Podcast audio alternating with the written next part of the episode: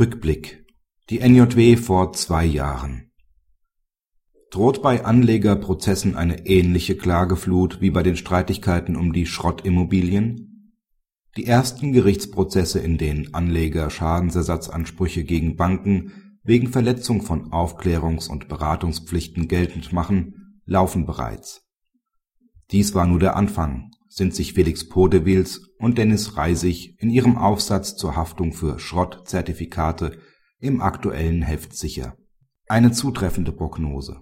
Jetzt, wo auch noch die Verbraucherverbände eine Klagewelle gegen Banken lostreten wollen, die Lehman-Zertifikate verkauft haben. Zwar sorgen Schrottimmobilien, die als gedachtes Steuersparmodell nicht das einbrachten, was die Vermittler versprochen hatten, auch heute noch für Beratungsbedarf die große Klageflut dürfte aber aufgrund richtungsweisender Entscheidungen der letzten Jahre erst einmal abgeebbt sein.